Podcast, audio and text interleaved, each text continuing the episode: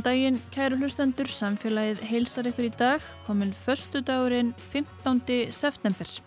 Arnildur Haldanadóttir og Guðmundur Pálsson eru umsunamenn og ímislegt framundan. Viljum að byrja þáttinn á því að spjalla við Byrtu Árdal Bergsvinsdóttur. Hún hefur búið í Marokko í um áratug, er hluti af samfélaginu þar og hún og fjölskyldanar leggja nú allt kappa á að koma fólkinu sem að misti allt sitt í jærskjáltanum fyrir viku til hjálpar. Svo er það Sólheimasapn sem er stundum kalla litla vinalega sapnið og þar hafa grænar áherslur lengir á því ríkum. Við förum á skraut muna skiptimarkað á sapninu og ræðum við Guðrýði Sigurbjörnsdóttur, deildarstjóra borgarbókasapsins Sólheimum um ímislegt fleira sem að það er í bóði.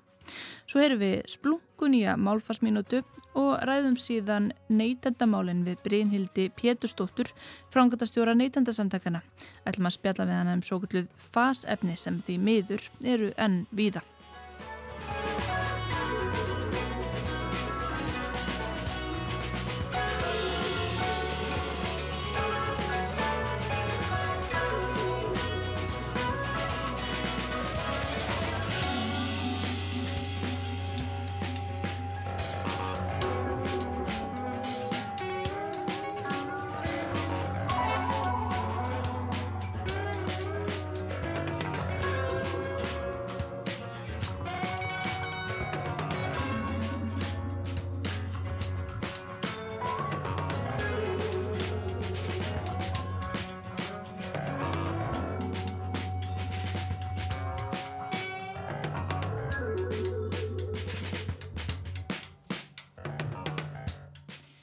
Já, við ætlum að byrja á heyraðinni Byrtu Árdal í Marokko. Hljóðgæðin á þessu viðtali er kannski ekki alveg upp á tíu. Þurft að taka þetta upp bara á, á síman en ég byrjur afsaka það. Heyrum þetta viðtal.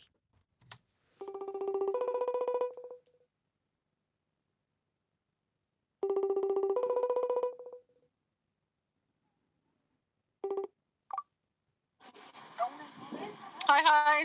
Hæ, slæmu tími. Hvað þið? Er þetta slæmu tími? Ætla bara að setjast. Já, Nei, nei. Ég ætla Ok. bara, ég ætla bara að setjast nér hérna inn í búð hjá vinnum mínum til að fá smá frið. Mungin í svona, það er mjög aðeins. Ok. ég er bara með þig hérna á spíkar þannig að vonandi bara virkar það. Já, ok. Ég er Eh, að tala hérna bara inn í síman, hann að þessu en skýrt og hægt er. já, frábært. Ég heldur bara hérna við mækin, mín megin. Uh, ertu bara Ok. til í að kynna þig og, og segja mér hvað þú býrð? Já. Herri, ég heiti Birta Árdal Bergsnesdóttir og ég bý hérna í Essaouira í Marokko sem er á hérna vesturströnd Marokko við Allandshafið. Ég er bara svona beinni línu suður frá Íslandi. Og sami Og- tími og allt saman. Já, ég reyndar sko er, e, það er eitt klukkutími í mismun. Já, já. Og veturnar þegar breytist tíminn hér þá erum við á sama tíma. Á sumar, við erum á sumartíma núna sko svo. Þannig að það er annarkvært bara engin tímamunur eða þá það er eitt klukkutíma. Já, og þú ert búin að búa í Marokko í, í nokkur ár og, og þekkir þetta samfélag vel. Já, já. Ég, ég hef verið hérna í tíu ár frá því ég kom ykkar fyrst og við hefum búið hérna svona meiri hluta ársins í svona átta ár. Ég, við hefum hérna fjóra dætur og maðurinn minn er frá Marokko og við þekkjum þetta samfélag mjög vel, jú. Þannig að, já, við erum 150 km fjarlag frá upptökunum, jarðskjálta upp, upp, upptökunum. Þannig að við fundum vel fyrir jarðskjáltanum en hérna, sem betur fer, bara guðsulof, það voru ekki mikla skemmtir í okkar bæ og engin döðsvöld eða neitt. Þannig að bara fór vest fyrir upp í fjöllunum í þessum litlu þorpum. Já, í, í allasfjöllunum. Og sko, nú er komin vika frá því að að skjálftin reið yfir. Uh, þetta er náttúrulega bara hörmungar sem maður getur eiginlega bara ekki ímynda sér, sko. Það eru það svakalegar. Hvernig er bara, hvernig er líður fólki núna? Er það búið að átta sig á því í raun hvað gerðist? Sko, þetta er náttúrulega bara engin leið að setja sig í þeirra fótspor en maðurinn minn fór hérna upp yfir og hann tók hérna myndband þar sem að þeir voru að sína honum hvað hefur gerst og þeir löpuðu með honum í gegnum þetta kvöld í rauninni og löpuðu í gegnum þorpið sem að varu bara rústir einar og það eru allir búin að yfirgefa þetta þorp. Bæði eru húsin eðlög og það er bara, þau eru hrætt við það að það, það verður meira grjótrun eða sko klettarhun þannig að þau eru búin að núna að finna annan stað þar sem þau ætla bara að byggja þorpið upp á nýtt, þú veist, þau eru bara að byrja algjörlega frá grunni. Já. En það er, hann var svo ótrúlega, hérna, þú veist, þetta er svo svakalega stert fólk. Þetta fólk er búið að búa við erfiðar aðstæður í hundruður ára, skiljur mig. Þetta er svo hardgæft fólk, ótrúlega jákvægt, ótrúlega gestrisnin. Þú veist, við vorum alltaf að ferðast um allarsfjöllin hér áður og við, við upprænlega vildum alltaf búa í fjöllunum. Ég hef ekki upplifað áður eins mikla gestrisni eða maður er bara ferðalangur sem á leið hjá þá hérna, er maður bóðin í te og síðan mamma er ekki farin að búa að gera tassin fyrir mann og búa að slátra kjúklingi og þú veist, maður þarf að gráti því að fólk bara, já, nei, ekki, ekki slátra neynindiri, við erum bara mjög glöð með te og egg. Já, já. En, En þorpið sem hann heimsótti, það er þorpið sem að kletturinn í rauninni fjall á þegar að jæðskjaldin varð. sko, það voru fréttir í, held ég, á rúf frá öðru þorpi sem að það gerast sami hlutur en þetta er ekki sama þorp, það hefur gerst víða. Og hérna þetta er fólk sem var á allt öðrum stað hinum með við fjöllin heldur um hérna, fréttumæður frá rúf var hjá. Og þeim barst hjálp mjög seint og þau allt fólki í þorpunu það var bara eitt að bera, þú veist, að grafa fólk undan rústunum og, og grafa líkin og allt, þú veist, það barst þeim ekki hjálp í tæka tíð en þau bara stóðu sig eins og hetjur og það voru þarna hópur af ungum mönnum sem að sátu úti og voru að spjalla, klukkan var náttúrulega halv, halv tólf, þú veist og flesti voru farnir að sofa en bara guðs og lofa þeir voru úti. Og þegar þeir fundu fyrir skjálpunum þá, þá hlupuðu þeir ekki burtu, þeir hlupu inn í húsin og björguði tugi fólks bara á því að hafa ekki hlaupið í burtu. Veist, og náði ótrúlega mörgum út. Það voru tól sem að dói í þessu þorpin, þeir hefðu orðið miklu fleiri.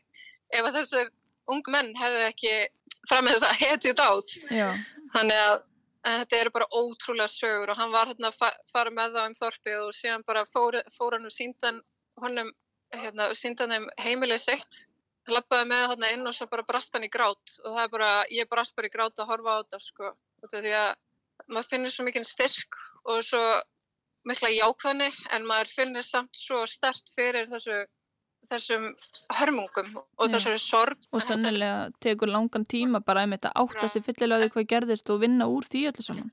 Nákvæmlega, ég meina það er bara, það er ekki tími til að átta sig á henni. Þeir eru bara strax byrjuð og maður var að segja líka bara svo magnaðar konurnar í þorpinu. Það voru bara eins og stál, bara með brosa vör og krakkarnir voru bara syngjandi og lesandi kóran og, og það, er, það voru allir vinnandi, skilur, það voru allir að gera eitthvað. Það var allir bara, ok, nú við að fara þarna, nú þurfum að fara aftur upp í rústirnar og taka allt úr húsunum sem að er einhvers virði, bara þú veist, það var verið að sapna saman pottum og pönnum og en bara seglan í þessu fólki er alveg ótrúleg en við viljum fylgja þeim eftir. Það er ekki nóg bara að senda þeim núna mat og tjö- tjöld og segja bara verið blessu. En sem betur fer og guðsulof þá var núna konungurinn að sendja út yfirlýsingu. Það verið peningastyrkur til allra fjölskyldana sem hafa mist húsin sín eða þau hafa skemst Eitthvað sem munar um. já, munar virkilega um þetta og sérstaklega fyrir þetta fólk, það hefur aldrei séð þessu upphæðir, skiljur, það sér ekki mikla peninga þarna, það, eins og þessa, þessi þorp, þau lifa bara á þetta til dæmis, þetta þorp sem Átmann fór í, þau lifa á möndlutrjám sem þau rækta, sem þau vilja alls ekki yfirgefa, þau voru harða því að þau vilja ekki fara eitthvað annað, þau vilja byggja upp þorp á sínu landi, skiljur mig, Mm og þau eru með geitur sem er mjólka og þau eru með kjöt af geitunum og svona lifa þau bara. Þau, þau týna möndlutur á trjánum, fara með það í borgin og selja, sem fara ungu mennir í, í bæin, bæin og vinna í, hérna, á, sem byggingar, eða veist, við að gefa hús og koma með peningin heim. En það sem við viljum gera er við viljum hjálpa þeim að stopna eitthvað verkefni sem mun hjálpa þeim. Þú veist, við höfum okkar reynslu hér að stopna fyrirtæki hérna úti og við viljum nota okkar reynslu veist, til þess að gefa þeim tækifæri til þess að vera með uh, tekjur, reglulega tekjur. Og þið eruð í rauninni bara á fullu og frá því að þessar hörmungar áttu sér stað þá hafið þið verið að skipulegja viðbröð og, og senda rútur upp eftir með, er það ekki mat og, og vistir og þannig að þið eruð bara, já, á fullu í þessu núna. Já, þetta er bara, það er ekkert annað sem kannst að, við hefum bara allt fengið að býða. Já, við, Ottmann maður minn fór þarna með, í bílalast fjórhjóladefnandi bílnum út af því að það voru það þegar svo margir trökkar farnir að stað með matið til þorpana sem að það voru vegarsamgöngur. Þannig að þeir reynda að ná til þorpa sem að var ekki eins auðvelt að ná til og þeir fóru að kerðu vegi sem voru bara hreinlega stórhættulegir og hérna löpuðu svo restina leiðinni upp í þetta þorp og það er ekki einu svona hægt að komast með bílum, þú veist, á góðum degi er erfitt að komast í þessu þorp um, og þau reyndu bara að ná eins langt að þau gætu upp í, upp í fjöllin. Þannig að við erum búin að standa bara í ströngu hérna og, og, allt samfélagi hérna líka bara, þú veist, við byrjum að byrjum á því bara, við vildum gera eitthvað, saman hversu lítið það er. Og það var við ákveðum að við ætlum að fara á fjórhjólaugdurinn bílum strax að við gerðum það, þá tók samfélagið okkar hérna í Asavira svo vel í það og það voru allir sem bara, svo mikið fólki sem kom og var að gefa okkur, þú veist, teppi og fött og, hérna, og mat og, og bara pening og alls konar til þess að hjálpa til. Og svo var hérna haugur fólks að búið til samlokku fyrir þau og búið til alls konar mat til þess að senda með þeim, til þess að fá bara næringu beinti að eða ekki bara kveiti, skiljuru og þú veist, maður finnir fyrir svo ótrúlega miklu samstöðu og samhældni í samfélaginu eftir þessar hörmungar og það er eitthvað sem er, hefur hreift við okkur öllum. Og þetta er svona eins og við hefum bara svona vaknað svolítið frá svefni og því að veist, það er svo mikið líka bara af fólki sem að, eins og Otman saði, hann fór upp í þessu þorp og hann saði, þó svo væri ekki jarðskjálti hérna þeir lifa ótrúlega hörðu lífi og þeir lifa af svo litlu og þeir eiga bara mjög sátt að binda. En hann sagði mig líka að þau í þorfinu segði hann um það að þau voru svo ótrúlega snortin yfir því að finna bara fyrir því að bara öll þjóðin bara voru að þeysast til þeirra til þess að gera allt sem þau gætu og það eru allir að spyrja hvað þurfið þig ég sá einhverstaðar að það er eitthvað 6800 þorf, skiljur þú veist, þetta eru svona þorpað þyrpingar þetta eru bara svona þetta, þetta er ekki eins og kallað þorp hérna í Marokko þetta eru 28 fjölskyldur sem byggðu í þessu þorpi sem var verst fyrir á þessu svæði.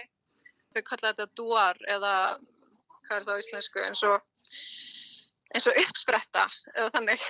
Og það er ennþá ekkert búið að ná til allra það? Er ekki ennþá einhver þorp sem eru bara sko við erum að fylgjast með fréttum og við erum að fylgjast með frá hérna tröstum uh, hvað segir maður á íslensku? Trusted Áre, sources áre, í bestu innlega Afrikana áriðanlegum heimildum.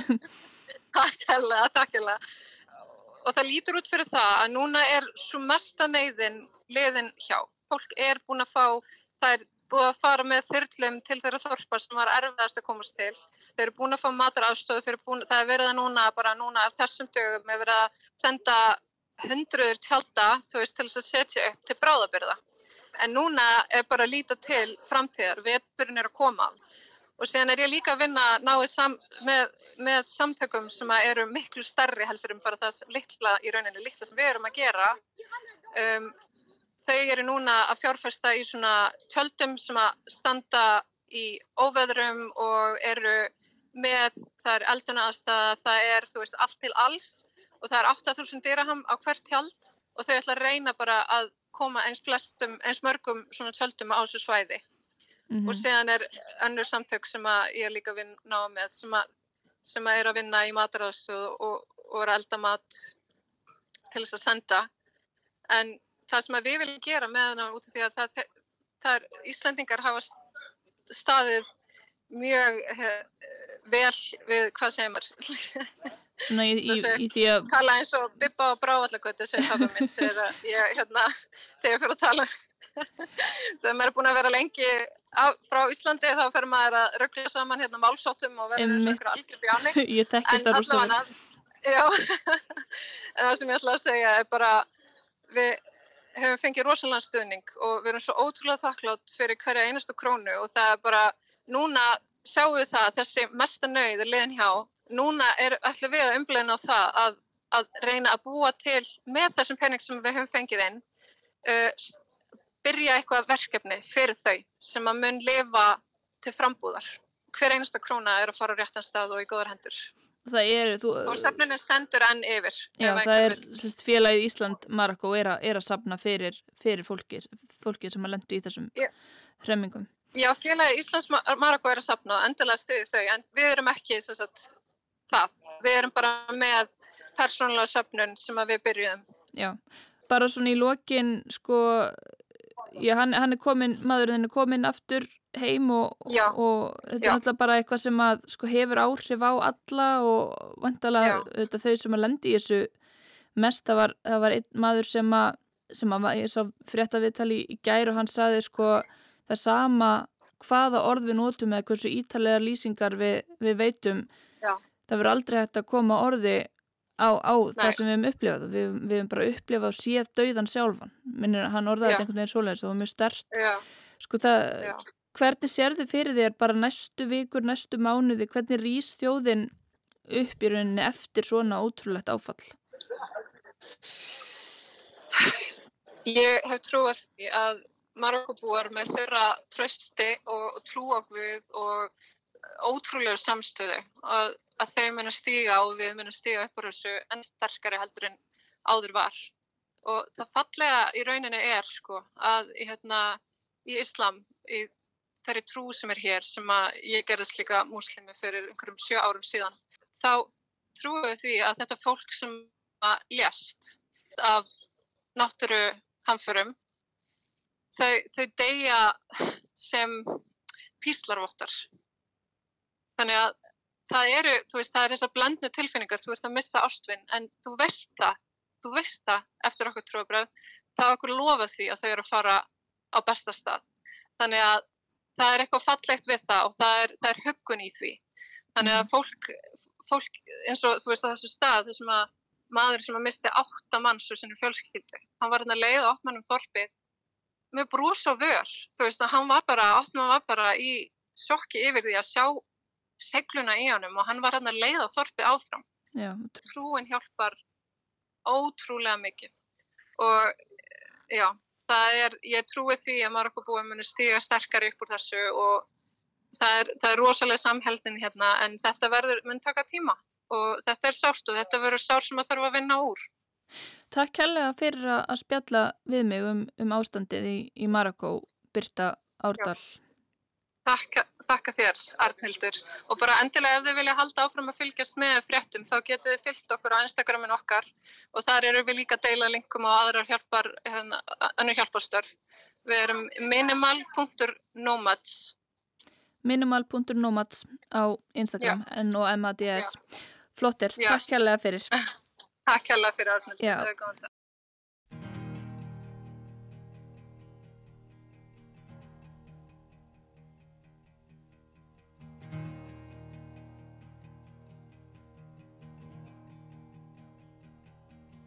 I was raised up believing I was somehow unique, like a snowflake distinct among snowflakes, unique in each way you'd conceive.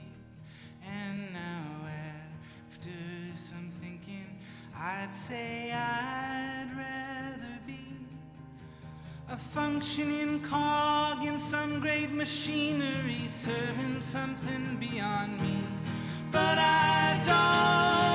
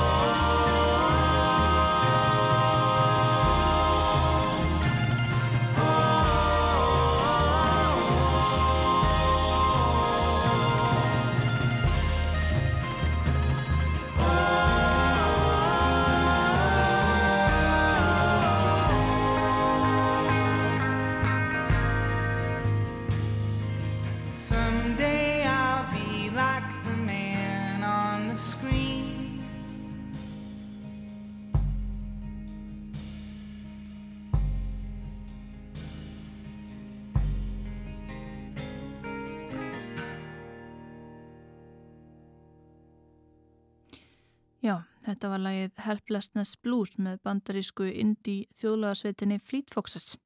En þá ætlum við í heimsókn á borgarbókasafnið í Sólheimum í Reykjavík, það sem er úrval skrautmuna í bóði.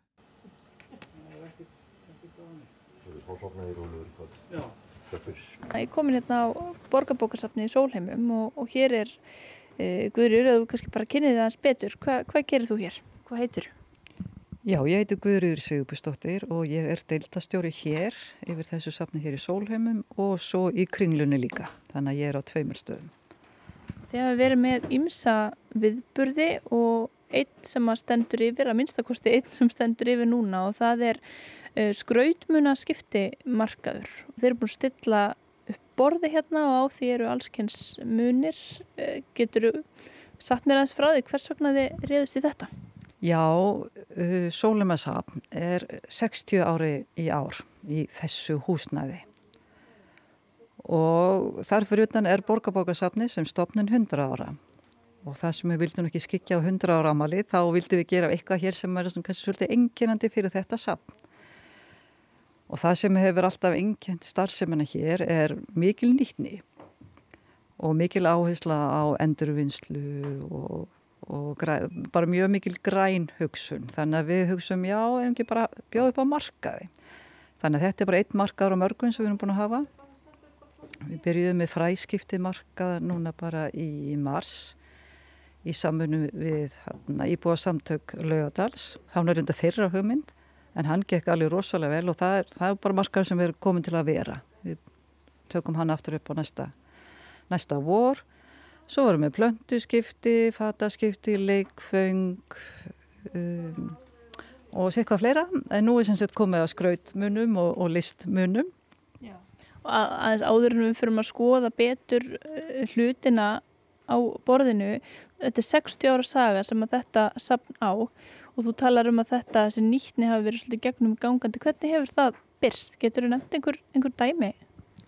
Já, til dæmis fáum við sko yfirleitt svolítið mikið að bókagjöfum. Og við förum vel í gegnum það og skiptum út þá lúnum eintökum hjá okkur. Og þetta er svona, svona tölveri vinna en við erum alltaf lagt í þá vinnu. Eins hefur starfsfólk verið bara duglugt að fara á nýtjamarkaði ef okkur vantar einhverja bók, til dæmis eftir Guðrún frá Lundi, að þá ef starfsmára leið fram í á nýtjamarki þá tjekkar hann á henni.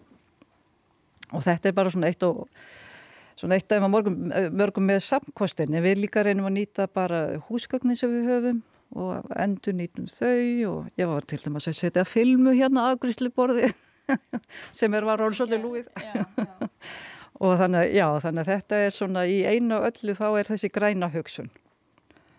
Þetta er, þetta er svolítið lítið safnir, þetta minnsta safnið af borgarbókasafninu? Já, þetta er minnsta safnið. Hugsanlega er safnið sem er nýju opnað upp á Kjalanesi í Kleiperskóla. Það er hugsanlega minna, ég hef ekki komað ángað. En þetta er búið að vera minnsta safnið mjög lengi, já. Og svona talið svona vinarlegasta safnið. Eru stolt af því? Við erum mjög stolt af því. Óumdilt. Eða við að skoða þess að munni? Fólk hefur allavega, það er ekki komin, hvað er þetta, þriðji dagurinn sem þessi skröðmunumarkaður er í gangi, er það ekki? Byrjaði þetta ekki á fyrstu dagum var? Jú, þetta byrjaði á fyrstu daginn, já, það passar, þetta er þriðji dagurinn. Og það er svona komið slatti inn og ímislegt farið út, en það er nú sko, okkar einsla á þessum mörgum, það kemur svona meira inn en fyrir út. Það fer þá bara í, hérna, góðherðin, það sem verður eftir, eða? Já, við erum bara að fara með góðherðin eða í, í Rauðakrossin. Fær, fær ekkert einhvern hérna, stað hérna á safninu? Jú, við auðvitað hyrðum það sem okkur finnst nýtilegt. Lýst á. Og þetta er svona, já, hvern, hvernig myndur þú lýsa því sem er hér? Það er til dæmis þrjú búta líkneski og þrjár uglur og tveir nasherningar, vissir rétt. Já, þetta er þarna við fengur undar sko sumamununa komu frá sama stað. Það er smá þema sko, við komandi sem kom með þetta eða létt þetta á hendi, hann hafi greinlega mikinn áhuga af uglum og svona grímum eins og nefnir og, og búta líknaskum. Já, það maður sjá það. En svo hefur komið svona ímislegt, bæst ímislegt við. En við fengum svolítið, svona, svolítið marga muni frá sama aðila. Og það eru hérna svona háir glér kertastjakar þrýr í setti, nokkrir aðrir kertastjakar já, hvað finnst þér svona forvittnilegast sem er í bóði núna? Já, finnst nú mjög gamla bara að sjá yfir höfu hvað fólk gefur með og hvað það tekur í staðin en núna finnst mér þessi mynd hérna svolítið skemmtileg, hún er svolítið stór.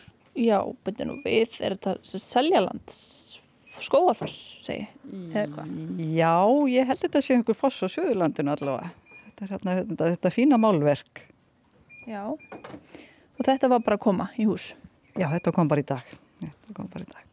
Og eru, sér þið einhver svona, einhver svona ströyma í því hvað fólk kemur með sem að er kannski þá orðið þreytt á sem að þykir ekki lengur fínt eða, eða móðins að hafa heima hjá sér og hvað fólk tekur í, í staðin finnst þér að vera svona komið með smá insýn inn í svona hvernig fólk vil hafa heimilisin í dag?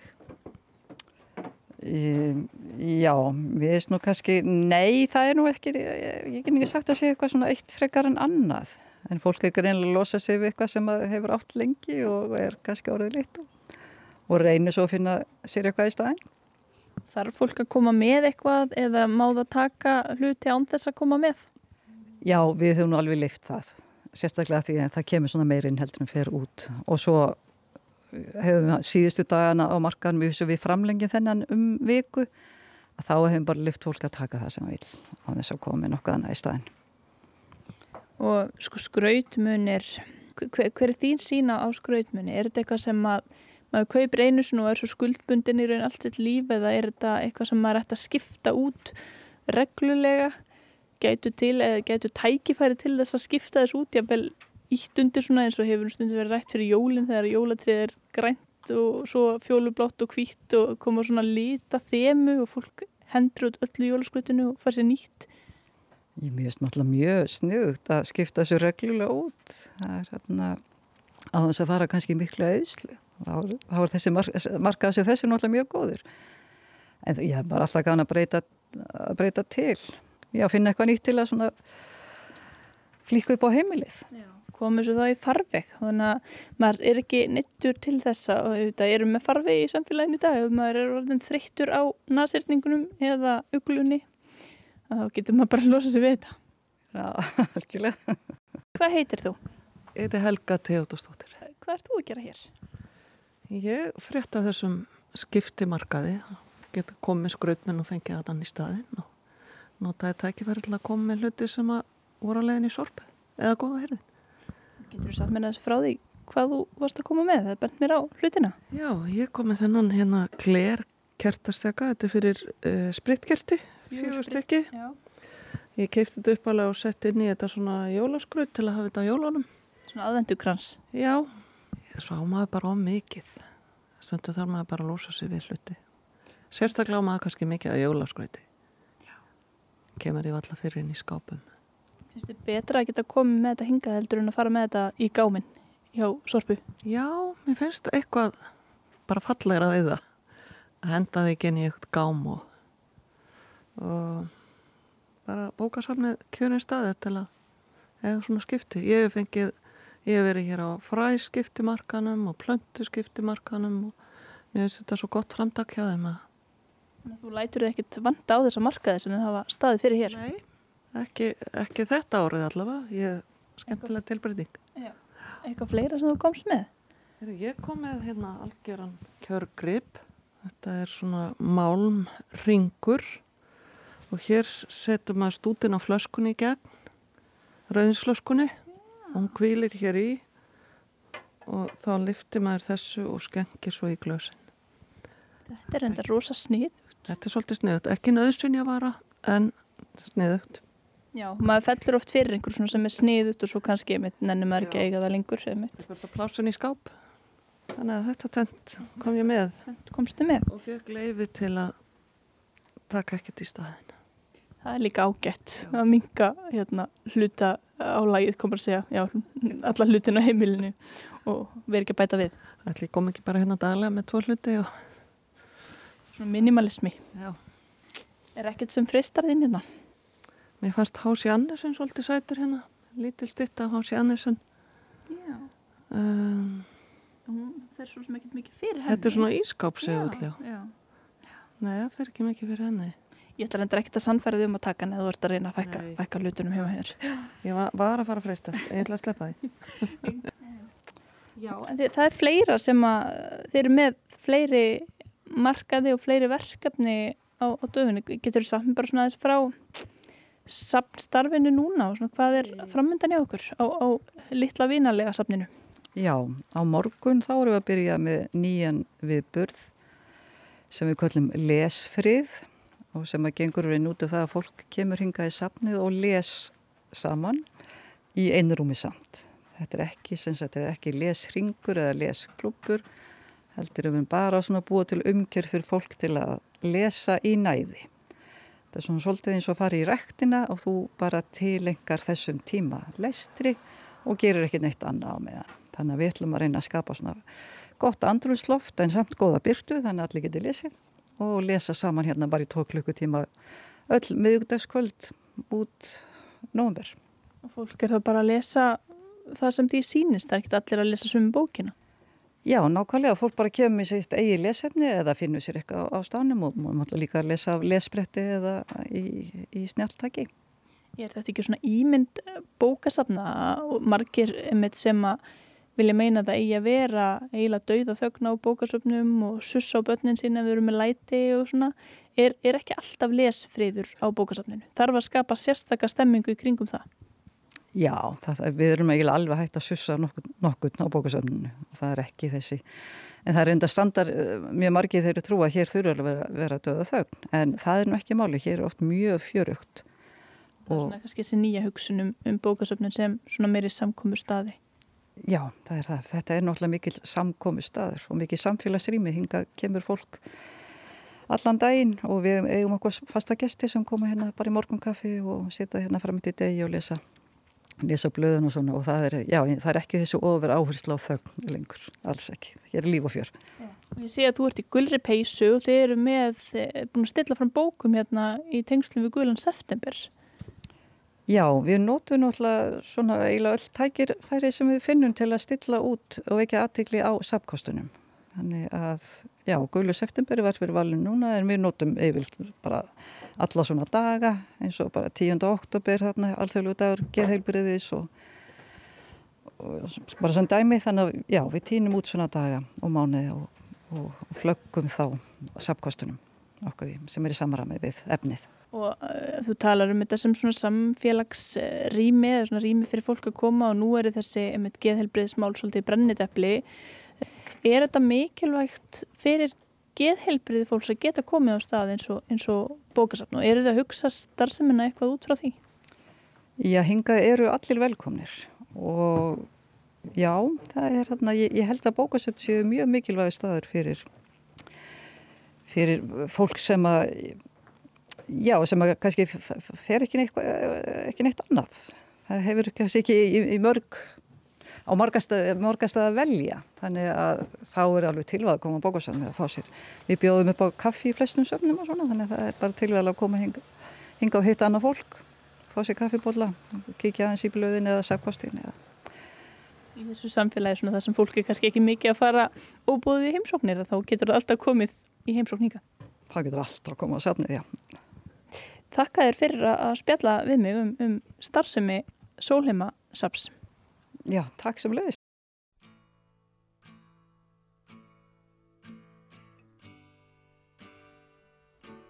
Miles from nowhere. Guess I'll take my time. Oh yeah. To reach there. Look up at the mountain have to climb Oh yeah To reach there Lord, my body has been a good friend, but I won't need it when I reach the end. Miles from nowhere, I guess I take my time.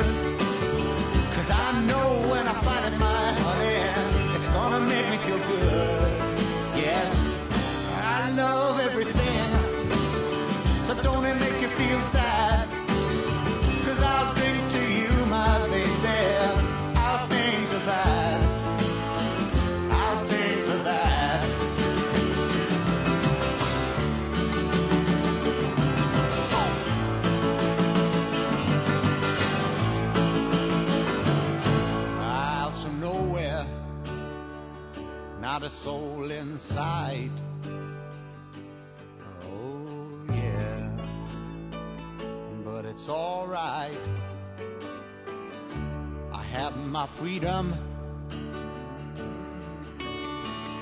I can make my own rules. Oh, yeah, the ones that I choose. Lord, my body has been a good friend. I won't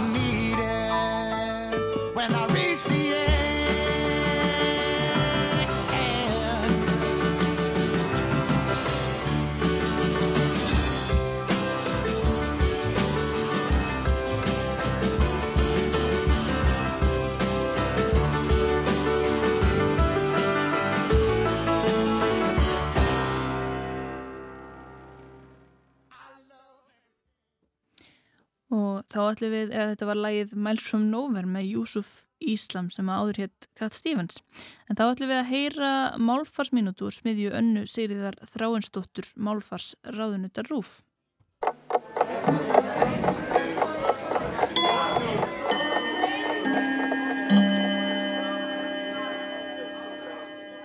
Nýjungum sem kynntar eru til sögunar fylgir oft nýtt nafn, jafnan á ennsku eða öðru máli eftir uppuruna nýjungarinnar. Það er rík tilneying til að íslenska hverskins svona erlend heiti og eru ymsar aðferðir við það.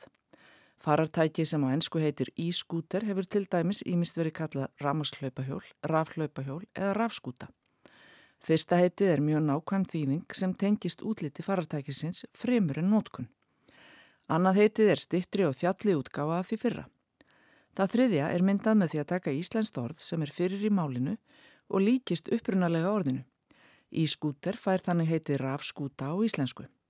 Þetta er stundu kallað hljóðlíking. Stundum eru hljóðlíkingar með sama útlitt og hljóm og orð sem fyrir eru í málinu en stundum verða til ný orð.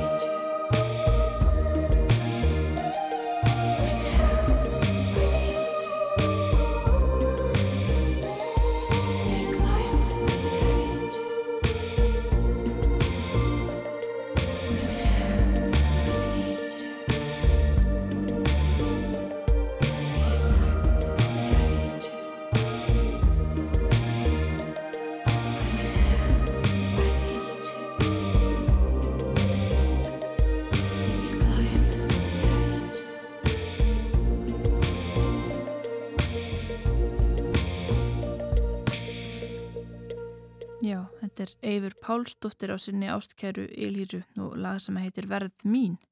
En fasefni, þau eru skadaleg og að finna víða, svo sem ímsum gerðum af pönnum, tannþræði, regnfötum og matvalaumbúðum og Brynhildur Pétursdóttir frá neytendasamtökunum spjallaði við mig um þau. Þið hafið í neytendablaðinu vakið aðdegli á því að það eru ímis efni í alls konar vörum, lifið í neyslufurum sem að valda skada, eru þrávirk og þetta eru pfas-efnin svo gulluðu. Hvernig er staðan? Er þetta bara allt í kringum okkur, þessi blessuð efni?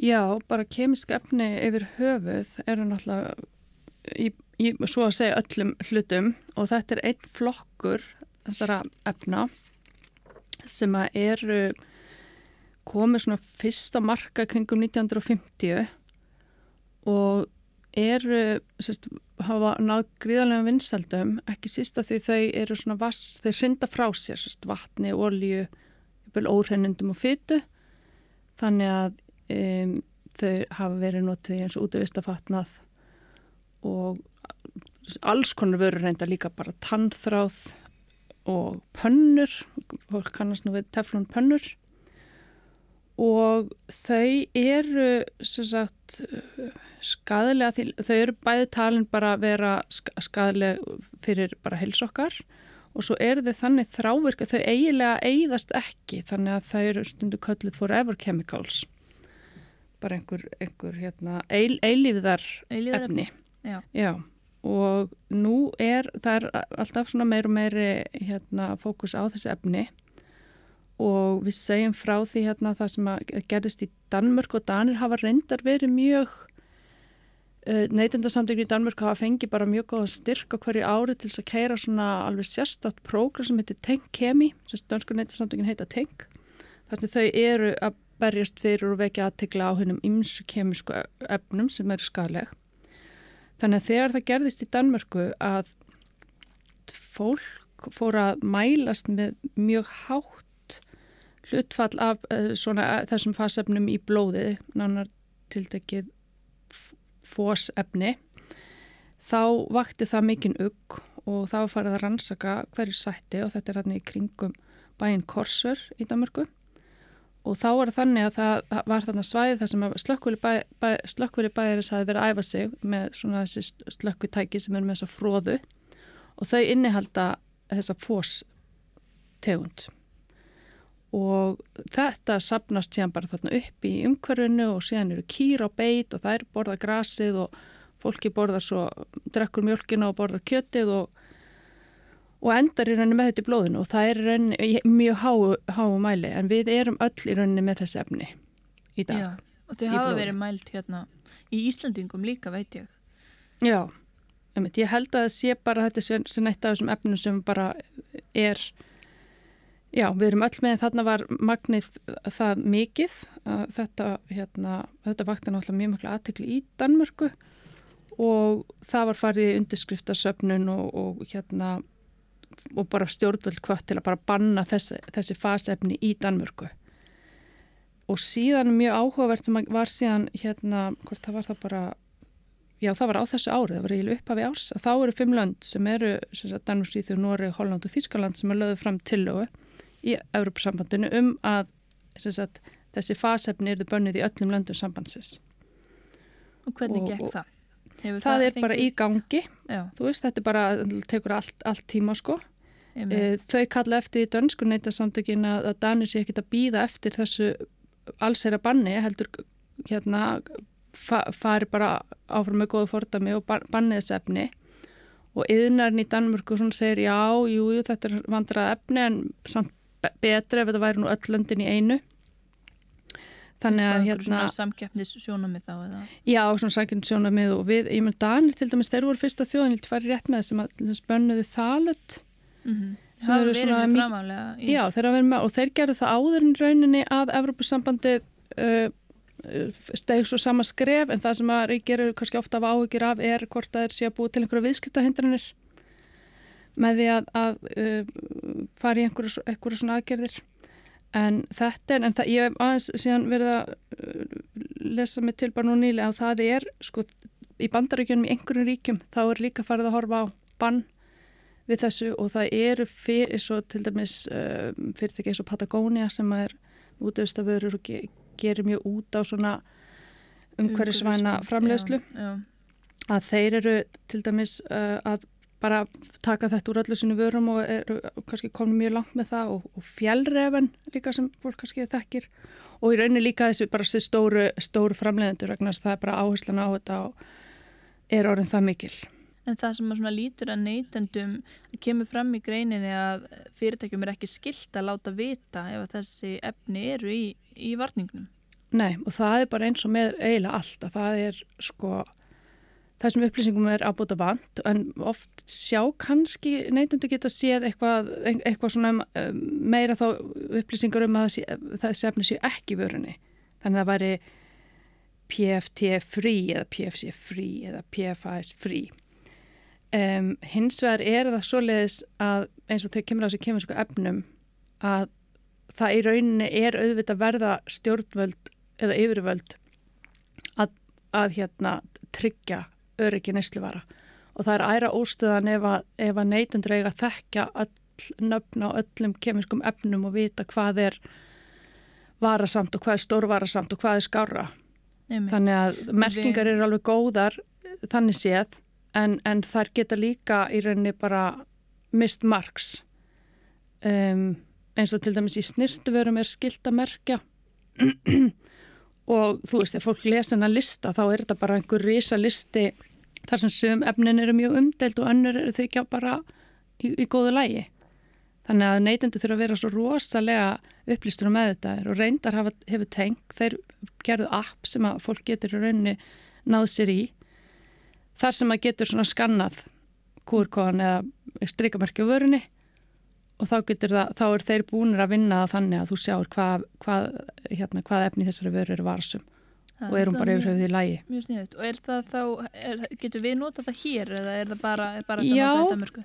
Já, við getum notað það hér en auðvitað getur verið einhverju vöru hér á markaði sem eru, þannig er ekki búin að skanna inn og svo auðvitað þarf að minna á líka að svansmerkið og þessi umhverjusmerki að þau eru, getur, eru trygging neytanda fyrir því að, að varan innihald eins, að hún sé eins umhverjusvæn hún mögulega getur verið.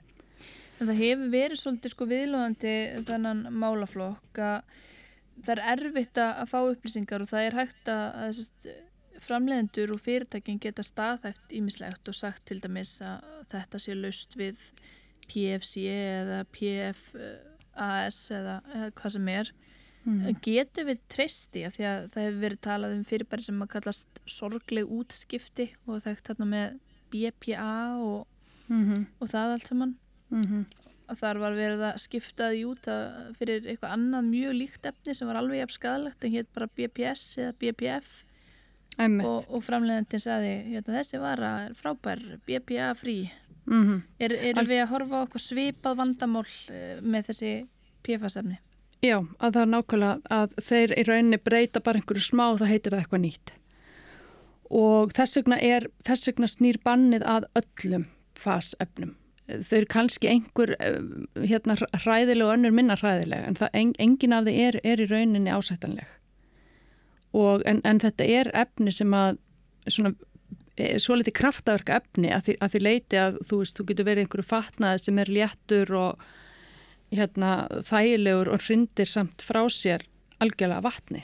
Og þau voru að segja, ég las eitthvað viðtalarni Patagónia þar sem voru að segja þegar fóru að reyna finna einhverja leið fram hjá því að nota þessi efni og fór að gera tilrönnir það er enduð í fyrst bara með eitthvað svona grót hart.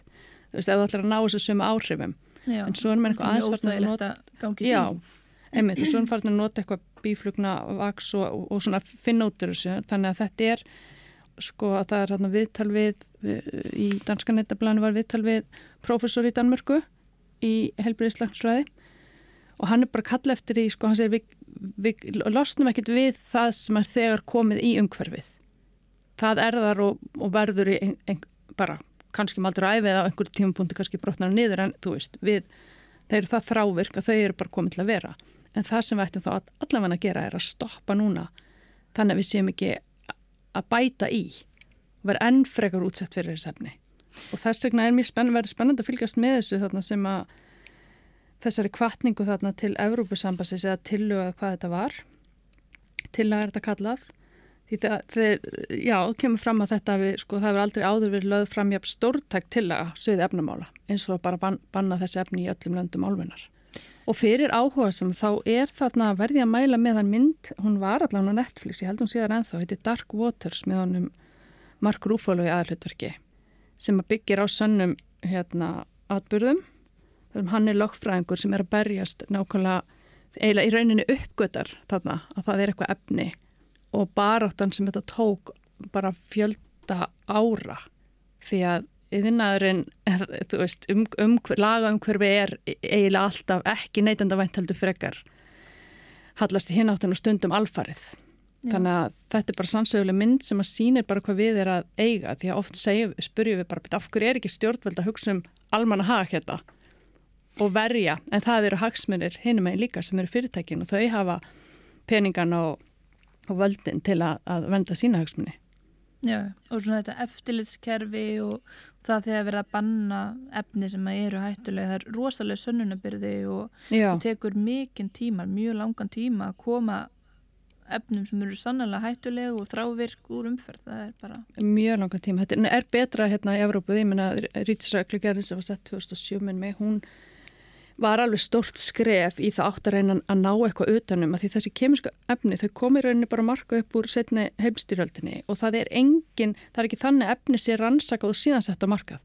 Þeim er bara held út á markaðin og síðan fyrir að koma í ljós, bara hm, býtu þetta nú kannski ekki og fullt af þessum efnum hafa ekkert verið rannsakað.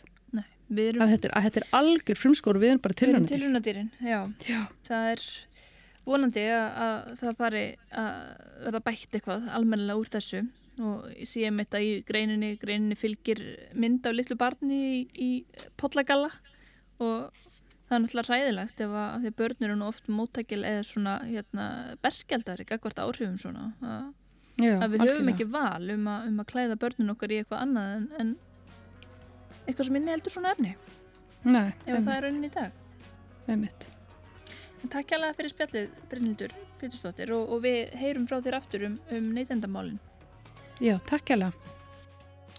Þannig líkur samfélaginu hjá okkur í dag. Takk fyrir samfélgina í vikunni og góða helgi.